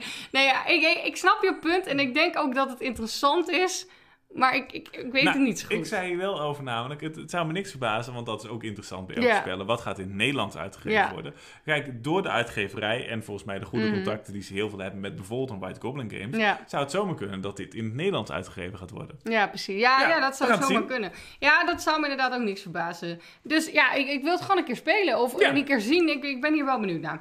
Dan een spel wat ik echt werkelijk waar fantastisch uit vind zien, is Flower. Dus het, zeg maar, je schrijft Flower, maar dan is de E en A. Flower. Ja, en ik hoor hier niemand over. Nee, snap ik echt helemaal geen sikkerpetje van. Het ziet er prachtig uit. Ik zag die foto op Board Game Geek. Ik dacht, ja, ja. Ja, nou, wat is het idee? Je vier weken lang trekt Graceful Rain, dat is volgens mij een gebied, duizenden arbeiders aan die de mooiste bloemen van het koninkrijk willen verzamelen en die vervoeren ze voor de Flower. Dat is een jaarlijks festival dat de verjaardag van het einde van de 200-jarige oorlog herdenkt. Van wie waren er aan het oorlogje spelen? Dat is niet bekend. Oké. In Flower moet je beslissen waar en op welk moment je je werknemers inzet om betere contracten, bloemen en geld te krijgen, zodat je je onderscheidt van de concurrentie. De bloemenhandel is echter zwaar en soms word je gedwongen om je arbeiders te ontslaan. Wat kan leiden tot een staking. Nou, hoe toepasselijk wil je het hebben? Verdien meer meesterschapspunten dan je rivalen om de beste bloemenhandelaar in Graceful Rain te worden. Weet je wat ik nou zo fantastisch vind? Wat dan? Nou, dat bord is een bloem. Ja. Dus je hebt zeg maar een middenstukje, zeg Mhm. maar het binnenkantje van de bloem, hoe heet zo'n ding nou? De stamper of zo? Ik Nee. heb geen idee. Nee. Oh, Ik weet het niet. Ik denk, de dikke darm, hoe heet zoiets? Ik ben toch helemaal niet thuis in technologie en biologie voornamelijk. oh, we hebben allebei biologie zo snel mogelijk laten vallen. Dat komt nu terug. Nu, nu komen we, komt dat uit. Nee, de binnenkant van de bloem. Hoe heet het? De, de, de ster van de bloem. De- Ik blijf bij stamper. Ga nee, de stappen hangt er aan. Nou ja, goed. Wat aan is dat binnenkantje. Dat gele binnenkantje. Prachtig. En dan zitten er allemaal bordjes aan. Dat zijn dan de bloemblaadjes. En die liggen er dan zo omheen. Dus je hebt het binnenkantje. Ik, eigenlijk is binnenkantje perfecte benaming. Ja, maar je zegt gele binnenkantje. Dan moet het de dooie zijn. Nee, ja. Het binnenkantje van de bloem. En daar liggen dus, ik geloof, een stuk of vijf, zes borden omheen. Wat dan zeg maar zo de bloemblaadjes zijn. Dat zag er zo goed uit. Ja, En ik, het zag er gewoon echt uit als een goed spel. Soms Helemaal kan je het zien, hè? ja dat kun je voelen. Ja, soms kun je het voelen. Dan denk je, nou, die binnenkantjes, dat wordt wel wat. Dat moet dat zijn. Ja, nou, Eh. eh Flower dus. Op eh, nummer 9 staat een heel groot expertspel. Ja. Namelijk Septima. Ja, Septima hebben we al een tijdje op de radar, omdat we de Kickstarter eh, zakelijk gebackt hebben. Dus die eh, eh, is te koop via onze webshop. Dus daarom heb ik hem toe toegevoegd. Het zag echt super mooi uit. Maar ik ga het toch nog heel even voorlezen uit niet eigen werk, zodat ik zeker weet dat ik niks vergeet. Het is namelijk een competitief, zeer interactief strategiespel over hekserij. Als leider van je coven moet je je waarde bewijzen in het stadje Noctenburg om opvolger te worden van Septima, dat is namelijk de hoge heks. Oefen je ambacht en verwerf wijsheid door kruiden te verzamelen, drankjes te brouwen, de stedelingen te genezen, charmes te beheersen en je medebroeders en zusters te redden van beproevingen. Maar pas op, magie, zelfs als het, zelfs, zelfs als het voor goed wordt gebruikt, want voor goed is namelijk, dat is namelijk een woord, dus als je op goede manier magie gebruikt, Zeker. roept het argwaan op bij de stedelingen. Ja, dat was vroeger natuurlijk zeker een beetje een pijnlijke situatie. Red heksen om je coven te bouwen, genees, betover en overtuig de stedelingen en verzamel voldoende steun om de periodieke heksenprocessen in jouw voordeel te beïnvloeden. Als de vijandige getuigen worden weggestemd, wordt de veroordeelde heks vrijgesproken en voegt hij zich bij de coven die hen heeft gered. Je begint klein, maar je kunt je coven op deze manier uitbreiden tot maximaal vier heksen, elk met hun eigen persoonlijkheid en speciale vaardigheid om je zaak te helpen. Ja, ik Ja, vind het een interessant thema, toch? En het ziet er heel mooi uit. Ja, wij hebben natuurlijk die Kickstarter-versie dan gebackt. Dus dan heb je helemaal 100 miljoen extra's, dat het er helemaal goed uitziet. Ik vind het heel cool. Eens. En het is uitgegeven door Mindclass Games, zeg ik uit mijn hoofd. Die geeft vaker van die grote expertspellen uit. Waar er over het algemeen goed beoordeeld worden. Dus Septima is zeker iets om even langs te gaan. Als je er Mhm. langs loopt op Spiel. Ja, en zeker ook als je hem gebackt hebt, dan kan je jezelf alvast even lekker maken. Check. Ja. Op nummer 10 staat het nieuwe spel van deze Wonder. Dat is de uitgeverij die onder andere Ticket to Ride heeft uitgegeven. Dit is gemaakt door de maker die onder andere Flamme Rouge gemaakt heeft. Het is Heat Pedal to the Metal. Ja, die ondertitel, Pedal to the Metal. Ja, dat klinkt als een slechte film voor weet ik het wat. Maar Ja, fantastisch. Maar goed, het is dus weer een racepel, als ik het goed begrijp. Zeker. En ja, ik noem alles met auto's Formule 1. Maar dat is dit niet, ik heb, volgens ik heb mij. laatst begrepen dat, het, dat er ook Formule 2, 3, Formule E is. Ja, daar ging een wereld de Dakar open. Rally en je hebt ja, heel oh ja. veel ja, nee, dat snap ik dan wel. Dat zijn vieze autootjes. je hebt snelle autootjes en je hebt vieze autootjes. Max Verstappen draait zich om in zijn graf. Ja, nee. Ja. Ehm, Heat Pedal to the Metal is gebaseerd op een eenvoudig en intuïtief handmanagement system en plaatst spelers aan het stuur van intense autoraces waarbij ze strijden om als eerste over de finishlijn te Oeh. Door de juiste upgrades voor hun auto's te kiezen, kunnen ze bochten nemen en hun motor koel genoeg houden om topsnelheden te behouden. Kijk, dat is niet waar je bang voor moet zijn. Je moet bang zijn dat iemand het stukje van het apparaat laat liggen waar jij met je autootje overheen rijdt en dan doet je wielen niet meer. Dat is waar je bang voor Oh, moet dit zijn. is Formule 1 kennis van Ja, Marieke, ik heb wat één leuk. keer Formule 1 gekeken. Toen gebeurde gelijk zo'n wereldcrisis. Uiteindelijk zal hun rijvaardigheid de sleutel tot de overwinning zijn. Coureurs kunnen deelnemen aan enkele race of aan het championship system om in een heel seizoen één gameavond te spelen, waarbij ze hun auto voor elke race aanpassen om de eerste plaats op het podium te claimen. Dat is echt cool. Dan kan je gewoon heel het toernooi doen in je eentje. Nou, niet in je eentje, maar met je vrienden. Ja, heel tof. Ja, heel leuk bedacht. Ze moeten wel voorzichtig zijn, want het weer, de weersomstandigheden en de evenementen zullen elke race veranderen om hun kampioenschap op te fleuren. Spelers kunnen ook genieten van de solo-modus met de Legends-module of de geautomatiseerde stuurprogramma's toevoegen als extra tegenstanders in multiplayer games. Ja, top. Klinkt En leuk. Ik ben, ik, iedereen, weet, eh, iedereen weet dat ik ben niet per se fan van race-spellen, maar er zijn een paar uitzonderingen en Flam Rouge is daar wel een uitzondering van. Dus Zeker. ik maak me op voor weer een eh, nieuw tof race-spel. En het lijkt me oprecht heel erg leuk om zo'n championship systeem te doen. Ja. Dat je meerdere races achter elkaar op je Mhm. auto kan upgraden. Dat voelt een beetje als zo'n racespel op de computer van vroeger. Ja, ja, geen idee, maar ja. Eh, op nummer 11 staat even net een wat ander spel. Want ik weet eigenlijk niet wat ik hiervan moet verwachten. Dus Nee, dit kan ook weer twee kanten op, maar Ja. het, het, is toch interessant. het is interessant. Er is Ja. heel weinig informatie over bekend. Mhm. Althans, in de vijf minuten dat ik ernaar op zoek ben gegaan. Nou ja, je hebt toch wel gedegen onderzoek gedaan? Ik heb redelijk gedegen onderzoek gedaan. Het is in ieder geval het Niemand spel neemt deze 20 spellen meer serieus nu. Among Cultists. En het heeft als thema, thema eh, eh, dedu- deduction, horror en maffia. En als mechanisme heb je hidden roles. Het Top. is een team-based spel en er zit een verrader in. Ja, een En- trader game. De enige omschrijving die je kon vinden is... wordt lid van M, een geheim genootschap. Die M van James Bond heeft dus nog een heel geheim genootschap waar wij niks van weten. Zeker. Eh, vier tot acht onderzoekers, dus je moet het wel Ja, wat, meer spelers doen... Ja. proberen de komst van een Great Old One in de Miskatonic University te voorkomen. Ah, love it. H.P. Lovecraft. Yep, maar pas op, kwaadaardige secteleden zijn al onder ons. Ja. Among Cultists is een unieke ervaring van sociale deductie. Ja, het heet dus Among Cultists. En als je een beetje iets weet van H.P. Lovecraft, dan weet je dat hier al een paar dingen in terugkomen. Uiteraard de Miskatonic University. Zeker. Eh, De Old Ones, de Great Old Ones, dat is een terugkerend iets wat vaak eh, terugkomt. En het is altijd één grote secte. Dus wat dat betreft, en die cultists die komen ook altijd terug.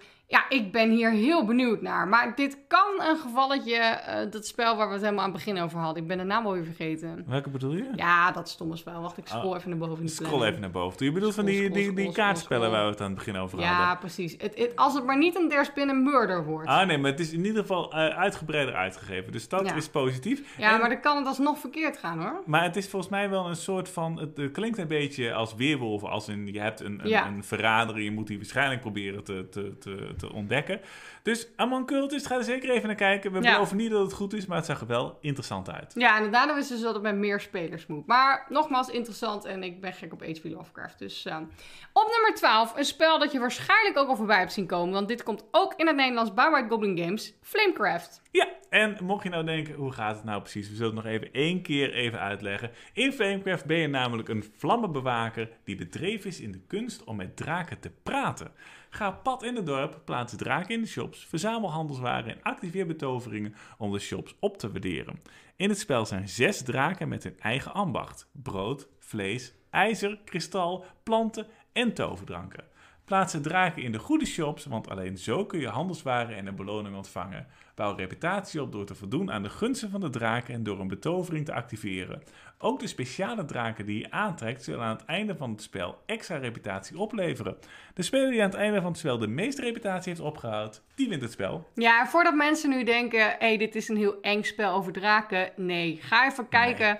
Google het even, want Flamecraft, ik vind het uniek artwork en positief. Het ziet er echt te gek uit. En dit belooft gewoon een hit te worden. Ja. Dat durf ik wel te zeggen, want eh, alles wijst erop dat dit... Ik heb het nog niet gespeeld, dat, dat is het enige nadeel.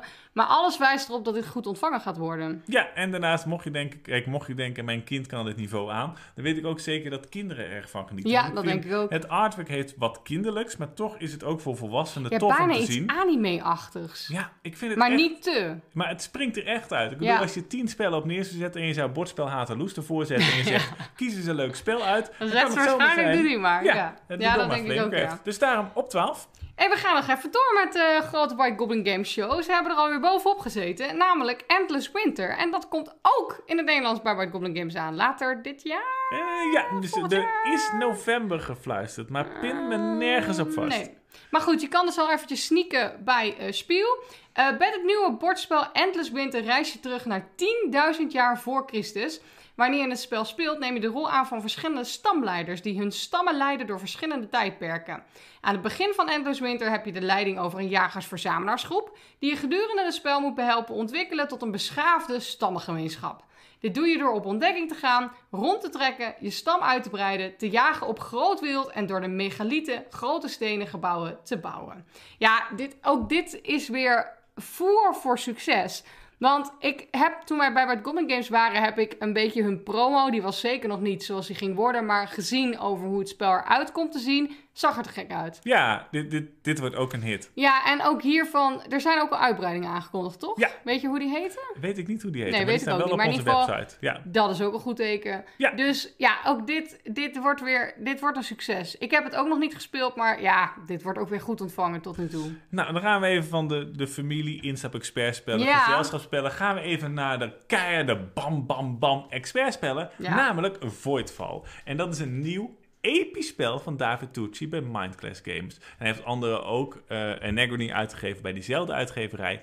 En artwork van Ian O'Toole. Ja, Nou, je doet nu iemand tekort. En ik weet even zijn achternaam niet, maar hij heeft het toch met Nigel gemaakt? ja, klopt. Nou, Nigel en David hebben samen ook eh, Imperium gemaakt. Imperial Legends en Imperial Classics. Vinden wij fantastische eh deckbuilders. Ja, Echt pittig. Echt pittig. Ik had niet gedacht dat een deckbuilder zo pittig kon zijn. Maar echt fantastisch. Dus die twee, dat is een succesvol gouden duo. zeker waar. En nu hebben ze dus Voidfall echt een Ja. groot bordspel gemaakt. En het is een 4X-spel. En Ja, ik mocht je weet wat... nooit zo goed wat ik daarmee moet. Nou, mocht je denken, hoe zit dat precies? Waar staat het voor? Het staat voor Explore, Expand, Exploit en Exterminate. En vrij vertaald in het Nederlands is dat verken, breid uit, exporteer en vernietig. Oftewel, je gaat meestal eh, de, de ruimte ontdekken of in ieder geval iets Ja. groter maken. Je gaat dat proberen je, je beschaving uit te breiden. Maar meestal zit er ook wel een strijdelement in. Ja, dat dat ja daarom is het bij mij altijd een beetje you hate it or you love it. Maar ik ben benieuwd hoe deze uit de verf gaat komen. Eh, dit is ook, wordt gezegd, eh, voor Eurogame-liefhebbers. En voor de mensen die niet weten wat dat is, Eurogame is eigenlijk van oorsprong het Duitse spelmechanisme... waarin alles draait om mechanismen en niet zozeer om thema of om uiterlijk... maar waar echt heel erg naar die mechanismes gekeken wordt. Dus dat maakt mij heel blij. Ja, het combineert namelijk de spanning en interactie van een spel met grondstoffen, maar het heeft het minimale geluk van zo'n Eurogame. Ja, En een Eurogame is heeft vaak heel weinig geluk. Ja, Ja, want heel vaak heb je bij een 4X-spel heb je bijvoorbeeld, en een voorbeeld daarvan is waar ik de naam wel even kwijt van Eclipse, Ja. is dat je eh, ook gaat ontdekken en dat je uiteindelijk de strijd met elkaar aangaat, maar vaak gaat die strijd door middel van dobbelstenen. Ja. En daardoor komt er toch een geluksfactor bij kijken, maar bij Voidfall is dat blijkbaar niet zo.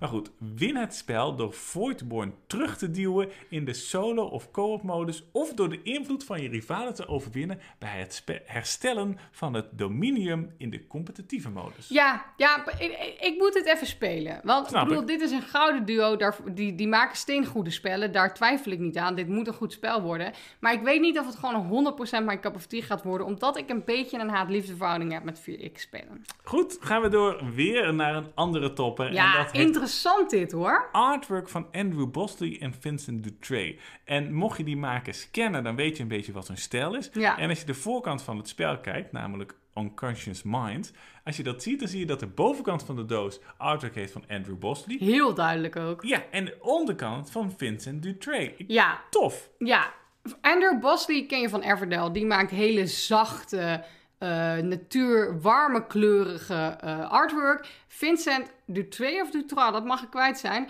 maakt heel klassieke eh, spellen. Die kan je kennen van museum onder andere. Het, het, is, eh, het is heel klassiek artwork. Wel kleurrijk, maar wel met duidelijke lijnen. En, en die combinatie met die soort van dromerige achtergrond en die klassiekige man in die fauteuil op de voorgrond. Ja, you have me. Dat is ik ben heel interessant. En het speelt zich dus af in Wenen, begin 1900. De Oostenrijkse neuroloog Sigmund Freud, daar hebben we hem weer. Precies. Vijf feitjes over Sigmund Freud. Ja, ik weet het nog steeds geleem. Hij kwam uit Oostenrijk. Ja, precies.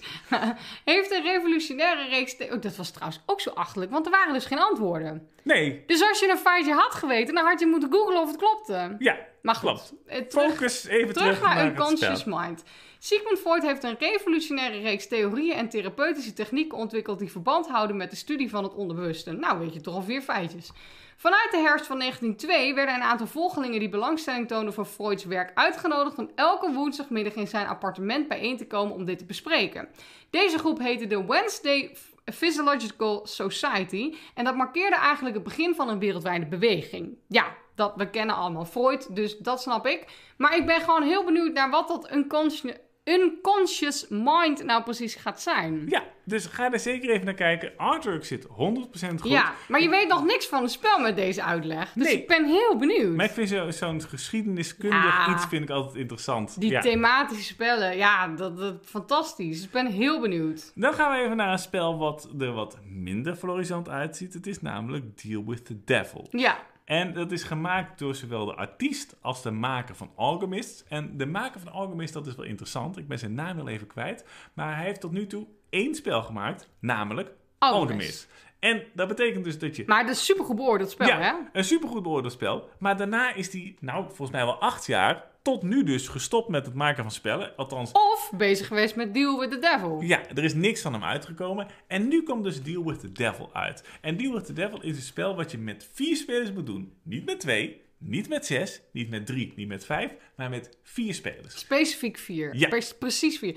Oké, Deal with the Devil is een thematisch competitieve Eurogame die zich afspeelt in een fantasierijk middeleeuws tijdperk. Elk van de vier spelers neemt een geheime rol op zich van een sterveling, een secte of zelfs de duivel. Wat is dan de vierde rol? Ja, dat, die is even geskipt. Wat een slecht voorbeeld als het precies vier spelers zijn. Bezuiniging. Door de asymmetrische rollen beleven spelers hetzelfde spel, maar met verschillende speldoelen bij elk spel. Tijdens de handelsfase kunnen spelers hun grondstoffen aanbieden in ruil voor geld van een andere speler. De duivel zal de stervelingen verleiden met goederen voor een stukje van hun ziel, terwijl de aard van de secte is om hun ziel gemakkelijk te verkopen. Alleen de bijbehorende app weet wie met wie handelt. Maar let op, pronken met hoe goed je het doet kan ongewenste aandacht en argwaan van andere spelers trekken. Maar het kan ook de interesse wekken van een inquisitie die graag degene wil straffen die niet kunnen bewijzen dat hun ziel intact blijft. Ja, dit is toch interessant? Fantastisch. Ja, ik, dit, ja, ik wilde het te kiezen, maar ik zit te denken... Lieve Ferdi en Saskia, ik weet dat jullie luisteren. Willen jullie met ons Deal with the Devil spelen? Dit klinkt op zijn minst... Ik wilde het op zijn minst een keer doen. Ja, Nou, ja, dus Deal with the Devil eh, van de maker van. Alchemist gaat er zeker even naar kijken. ja. Dan een heel ander spel, namelijk Resist op nummer 17. En het is een stijlspelend solo kaartspel waarin je de rol op je neemt van de Spaanse markies vechten tegen het Franco-regime. Gedurende een reeks rondes onderneem je steeds moeilijkere missies en als je missies voltooit verdien je punten die nodig zijn om te winnen. Maar als je je missies en de vijanden niet verslaat kun je verliezen.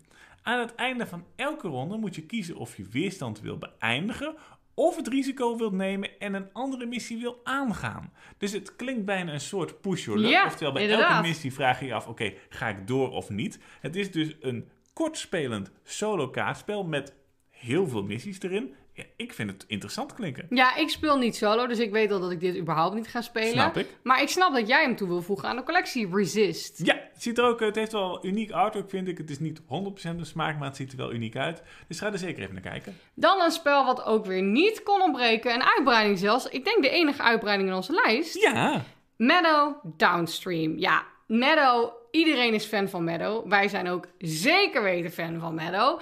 Uh, maar Meadow Downstream is de uitbreiding van Meadow. En als je die, die cover hebt gezien. Och, oh, het is zo mooi. prachtig. En voordat we 100 keer de vraag krijgen, komt hij ook in het Nederlands? Nou, op het moment van opnemen weten we dat nog niet. Nee, Maar het gaat nu is dus het nog over... niet bekend. Nee, het gaat nu dus over de Engelse versie die je op Spiel kunt vinden. Ja, Meadow Downstream is dus een uitbreiding voor Meadow. En het is gebaseerd op aquatische omgevingen. Er staat ook een otter, toch? Ja, zeker. Begin een nieuwe reis om de flora, fauna en landschappen te observeren die verbonden zijn met de rivieren, beken en meren. Ga kajakken op de rivier en ga de strijd aan met anderen op de nieuwe ontdekkingsgebieden. Meadow Downstream bevat meer dan 80 nieuwe kaarten met afbeeldingen van dieren in het wild, in die in het wateromgeving leven en nieuwe thematische enveloppen om te ontdekken. Ja, mensen die Meadow niet gespeeld hebben, die weten niet hoe blij je hiervan kan worden. Die kaarten, die moet je gewoon aan de muur hangen. Ja. Zo mooi. En in die enveloppen zitten dus kaarten die je kan vrijspelen als je een bepaalde specifieke situatie bent. Ja, fantastisch. Met het kajakmechanisme kunnen spelers extra punten scoren om de rivier af te stromen. Pas het concurrentieniveau aan door met een dubbelzijdig rivierbord. Kies tussen snelle stroom of een kalme rivier om de twee gezichten van de natuur te verkennen. Ja, wil ik. Wil ik. Ja, 100% duidelijk. Eh, gaan we door naar nummer 19. En nummer 19 die heb ik 100% gekozen voor de cover. Ja. Want de cover van het spel Winter ziet er prachtig uit. Ja, en er waren verder ook geen afbeeldingen te zien. Nee. Het was alleen de cover. Dus daar moeten we het mee doen. Ik, ik weet ook niet of het een grote uitgeverij is. Dus ga ook zeker even in die zalen van Spiel langs... waarbij er wat Mhm. kleinere uitgeverijen staat. Want het kan zomaar zijn dat je daar winter tegenkomt. Maar goed, elke winter bevriest het meer. Het zal niet lang duren, dus we moeten zo snel mogelijk spelen... en proberen de bevroren delen van het meer te domineren... voordat alles ontdooit en we alles verliezen. Om te winnen kies je je belangrijkste plekken uit voordat je rivaal dat doet. En controleer ze. Laat zien dat je nooit last hebt gehad van de kou. In winter strijden twee spelers om de speler met de meeste visies van hun kleur op het meer te worden. Het spel is verdeeld in twee fasen. In de eerste fase, de bevriezingsfase, zullen spelers het bevroren meer creëren met behulp van hun sneeuwvlokkaarten. In de tweede fase, het ontdooien, maken ze de creatie ongedaan door hun kaarten en fiches van hun kleur te verplaatsen en terug te halen. Aan het einde van het spel wordt de speler met de meeste chips op tafel uitgeroepen tot de winnaar. Ik heb altijd de meeste chips. Nou, nou, dan win je het sowieso. Maar kijk, het klinkt en het is ook gewoon echt een abstract spel. Ja, en dat is het enige wat me tegenstaat. Want ik hou eigenlijk helemaal niet van abstracte spellen. Nee. Maar je hebt toch allemaal wel eens een spel waarvan je gewoon weet... dit heb ik gekocht voor de cover. Ja, nou, en Of ik winter kon het niet laten liggen. echt een spel en zijn. daarom is dit een spel wat echt op onze radar staat. Omdat het gewoon zo mooi is. Ja, en het, kan, het, kan- het klinkt een klein beetje omdat het in twee fases speelt. Ja. En eerst probeer je dingen neer te leggen en dan Mhm. weer weg te halen. Dat klinkt een beetje als Bosk. En ik moet zeggen, ik vond Bosk een positieve eh, uitzondering in de, de, de abstracte spellen zien. Ja. Dus daarom ga er zeker even naar kijken, want de cover is al prachtig. Ja, het laatste spel op onze lijst is Evergreen. In Evergreen is het je doel om een wilderig ecosysteem op te bouwen door zaden te planten, bomen te laten groeien en andere natuurlijke elementen op je planeet te plaatsen. In een poging om deze de groenste en meest vruchtbare van allemaal te maken. Je kiest kaarten uit een gemeenschappelijke pool om te bepalen welk deel van je planeet je in een ronde wilt ontwikkelen. De niet gekozen kaarten maken die regio onvruchtbaarder en dus waardevoller. Om een enorm bos te creëren wil je bomen laten groeien, struiken planten en meren aanleggen, terwijl je de kracht van de natuur gebruikt om die extra acties te krijgen. Ideali idealiter, idealiter kun je je bomen concentreren in de meest vruchtbare gebieden, maar zonder dat ze elkaar overschaduwen, omdat je ook wil dat ze zoveel mogelijk licht opvangen. Ja. Nou, speaking of bosk, als je aan bosk denkt, denk je aan fotosynthesis. Zeker. Dit is van de maker van fotosynthesis. Ja, maar ook van de maker, en dat heeft hij wel met iemand anders gedaan, van Railroad Inc. en van The King's Dilemma. Ja, Deze man maakt praktisch geen slechte spellen. Nee. Daarnaast is het weer een, een groen thema, wat ook nog mooi uitziet. Dus, Weer met die boompjes, want Ja. daar is hij blijkbaar erg fan van. dus Evergreen, ga er zeker even naar kijken, want de maker is fantastisch en het artwork ook. Ja, en als je houdt van fotosynthese, is dit natuurlijk zeker een spel wat bovenaan je lijst zou moeten staan. Evergreen, dat waren de 20 spellen. Naar welke. Nee, dit kan ik beter bewaren voor de luisteraarsvragen. Ja, dat denk ik wel, want Anne-Marie had een vraag gesteld over een dagje spellenbeurs en daar gaan we nu naartoe.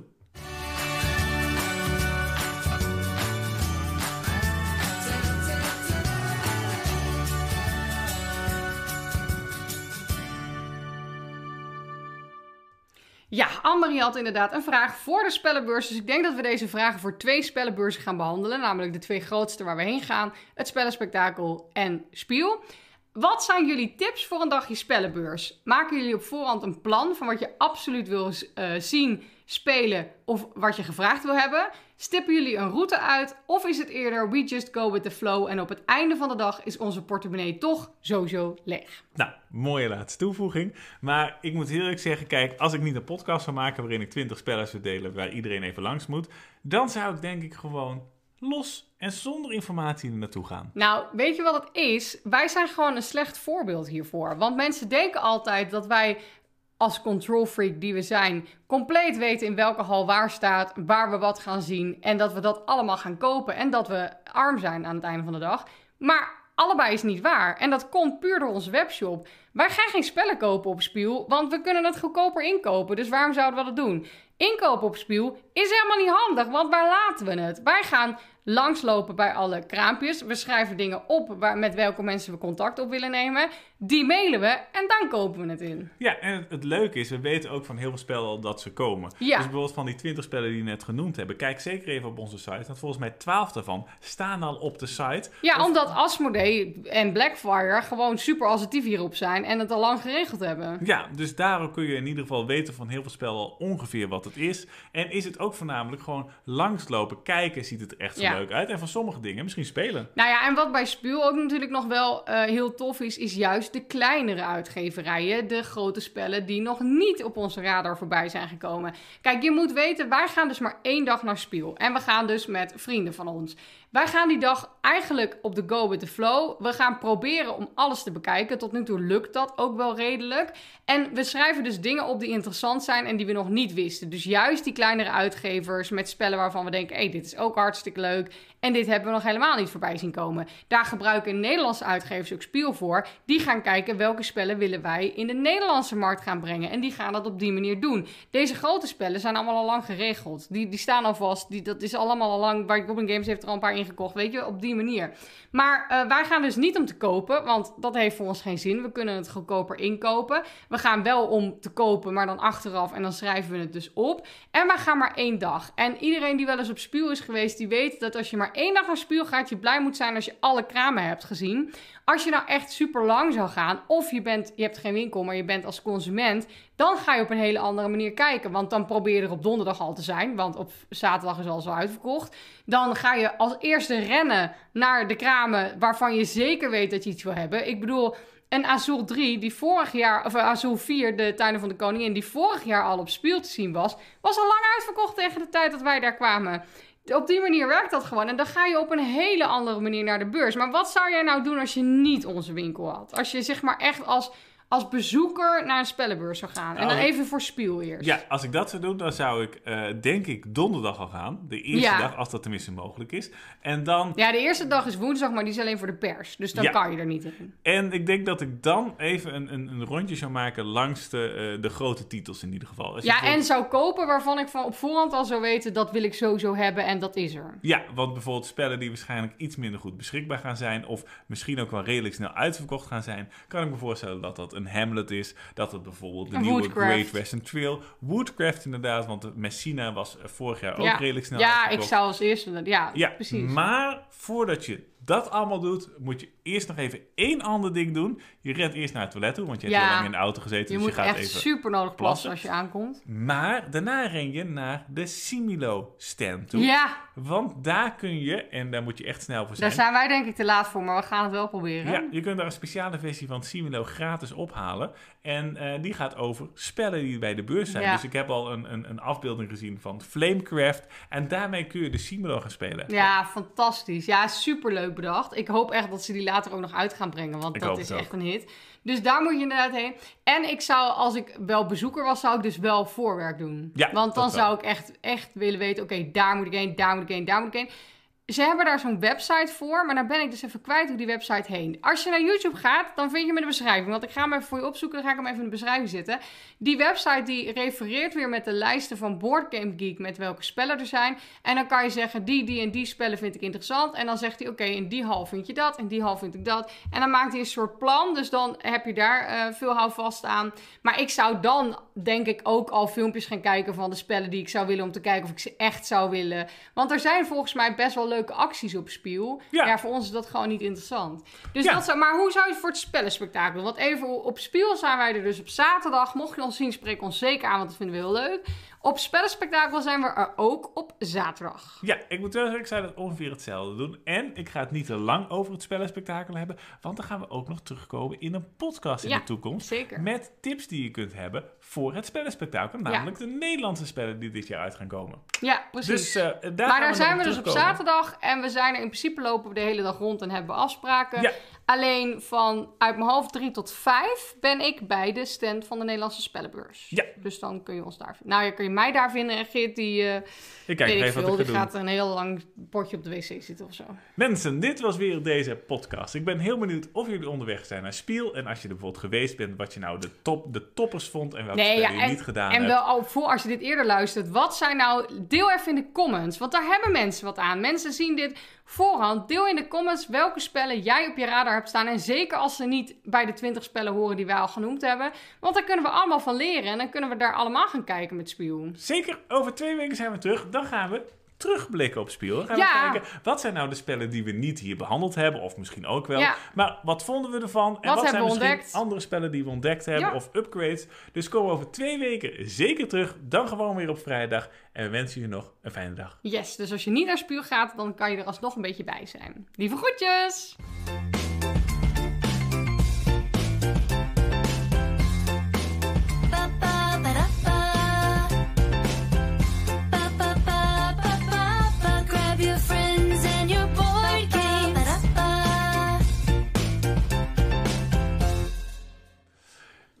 Wij kennen dus iemand, hè? Ja. En deze persoon wil anoniem blijven. Ja, dat snap ik ook wel. Dat... het was namelijk, we hadden, laten we zeggen, ik zal het breed houden. We hadden het afgelopen half jaar contact met deze persoon. Ja.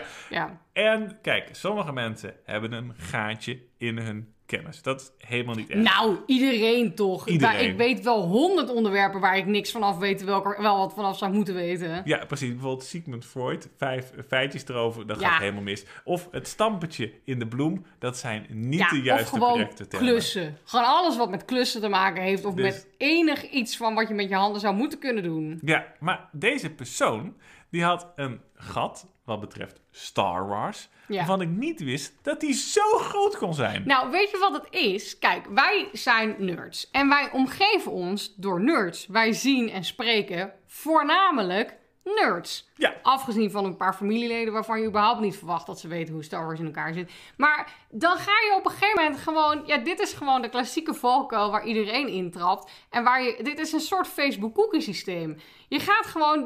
Op een gegeven moment is, is er gewoon iedereen in je omgeving. Die, die spreekt dan dezelfde taal. Ja, En is dus een nerd. En dan ga je gewoon vergeten dat er ook mensen bestaan die andere interesses hebben. ja, en ik ga nu even een zin uitspreken, wat wat mij betreft misschien wel de bekendste zin is uit de filmgeschiedenis, Ja. namelijk I'm your father. Ja, Ik neem aan dat iedereen, en als je het niet bent, noem je gewoon zelf even in de opmerking, we zullen niet oordelen, Ja. maar weet dat dit gaat over Star Wars. ja, precies. Iedereen weet waar dit over. Sterker nog, wij hebben Star Wars relatief laat gezien. Namelijk toen wij al lang een relatie hadden. Nou, volgens mij in coronatijd zelfs. Mhm. Maar daarvoor wisten wij ook bijna alles van Star Wars. Omdat je dat gewoon, ja, dat komt gewoon voorbij in je leven. Maar blijkbaar niet bij iedereen. Nee, want deze persoon die zei dus dat iemand tegen haar zei: Ik ben je vader. En Ja. dat zij dacht: Waar heb je het over? Ja, zij dacht echt, huh? Ik ben je vader? Huh? Ja, ja, nou ja, goed. Ja. En, maar meer, er bleken, Ja. bleken meer dingen onbekend te zijn. Ja, Zoals want wij riepen echt zo...